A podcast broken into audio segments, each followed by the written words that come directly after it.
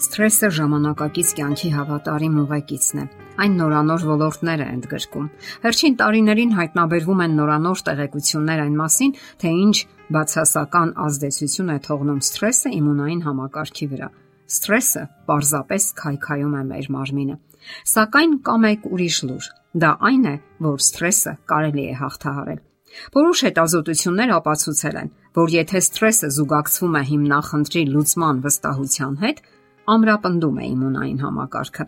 Հասկանալի է, որ տարբեր մարդիկ տարբեր կերպ են արձագանքում արտաքին ազդեցություններին։ Նրանց մի մասը դիմադրում է եւ վստահությամբ առաջ շարժվում, ոմանք էլ հանձնվում են եւ չեն կարողանում դուրս գալ իրավիճակից։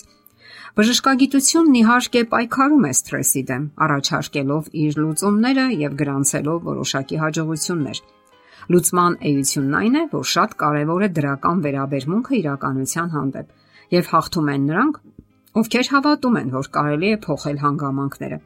Իսկ այդ հիմնախնդրի լուծման հիմնական ուղին հոգեվոր մոտեցումն է։ Դեռևս հազարամյակներ առաջ, երբ դեռ չկային կատարված հետազոտություններ, Քրիստոսն ու իր աշակերտները խոսել են հավատի ու վստահության մասին, թե ինչպես կարելի է պայքարել արտաքին հիմնախնդիրների դեմ։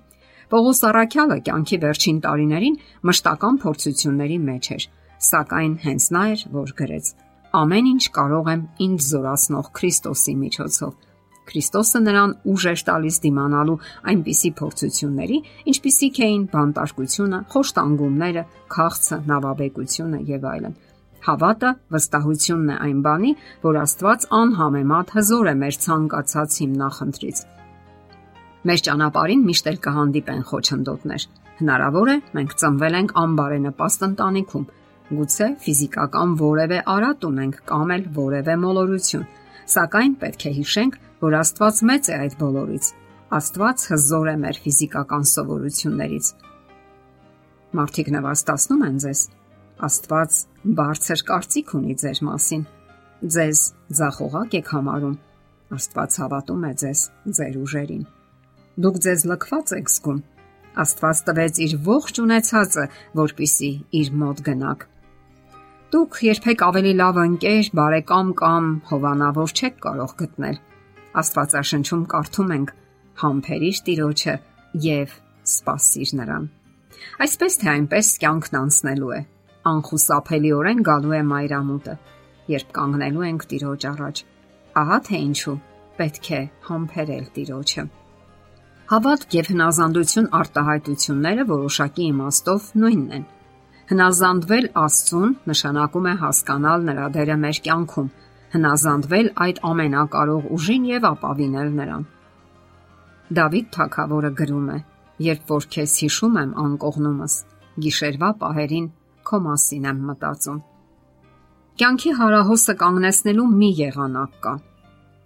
Տեղ հատկացնել Աստծուն մեր կյանքում։ Նա առաջարկում է կյանքը իր բոլոր հրաշալիքներով Մարդկային խաղաղ փոխհարաբերություններ, բնություն, որտեղ մենք կարող ենք զբոսնել եւ ընտանեկան անդոր։ Դուք կարող եք կարգավորել ձեր կյանքն ու ժամանակը, ավելի շատ տեղ հատկացնել ընտանիքի անդամներին, զավակներին, զբաղվել բարի գործերով։ Թույլ մի տվեք, որ կյանքը գորշ ու աննկատ սահի ձեր կողքով։ Տարիները հետ չեն վերադառնում։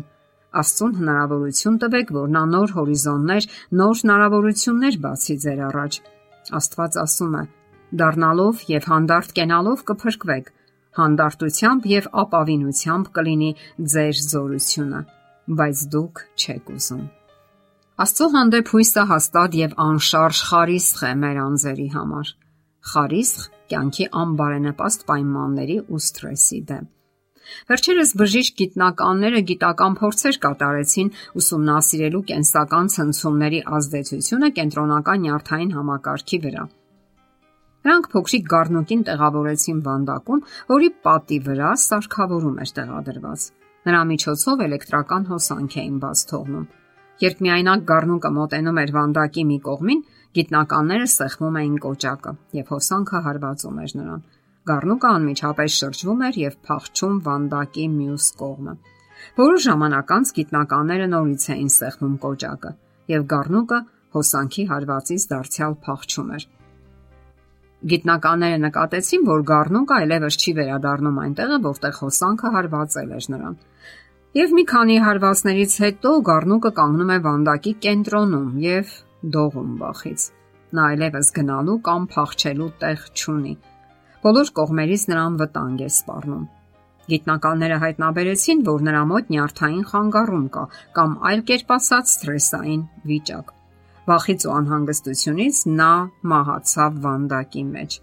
Դրանից հետո գիտնականները Գառնուկի երկվորյակին տեղավորեցին վանդակի մեջ, այս անգամ մոր հետ միասին։ Էլեկտրական հոսանքի հարվածներից Գառնուկը փախչում էր ոչ թե կենտրոն, այլ մոր մոտ եւ ամուր սեղմվում էր նրան։ Ակնհայտ է, որ մայրը հանգստացնում էր նրան, որովհետև Գառնուկը հեռանում էր մորից եւ սկսում նորից խոդ որոճալ։ Գործողությունը կրկնվեց մի քանի անգամ։ Գառնուկը առանց տատանվելու մոր մոտ էր վազում եւ խաղաղվում։ Հետազոտողները էական տարբերություն նկատեցին այդ երկու գառնուկների վարքագծի մեջ։ Երկրորդ գառնուկը չէր վախենում վերադառնալ այնտեղը, որտեղ մինչ այդ հարված էր ստացել։ Նրանք զարմանքով նկատեցին, որ հետագա հարվածները այլևս չէին անհանգստացնում գառնուկին։ Նրա պահվածքի մեջ ոչ մի տեսակի վախ չկար։ Գառնուկը տագնապի ու սթրեսային վիճակի մեջ չէր, իսկ ահա այդ նույն կարգավիճակում նրա եղբայրը բացարձակ անօքնական ու անպաշտպան էր։ Որն էր տարբերությունը։ Երկրորդ գառնուկը փախչելու, մխիթարվելու տեղ ուներ։ Ահա այսպիսի վստահություն է մեզ պետք։ Մենք կարիք ունենք կողմնակի օգնության, մեկին, ում կարող ենք հուսալ եւ ապավինել։ Եվ այդ մեկը Քրիստոսն է որ մեզանից յուրաքանչյուրին առաջարկում է իր օգնությունը։ Նա այն վեմն է, այն անշարժ վեմը, որ հավերժական խաղաղություն է խոստանում։ Եվ ոչ մի փոթորիկ չի կարող ցնցել այն։ Եթերում ղողանջ հավերժության հաղորդաշարներ։ Հարցերի եւ առաջարկությունների համար զանգահարել 033 87 87 87 հեռախոսահամարով։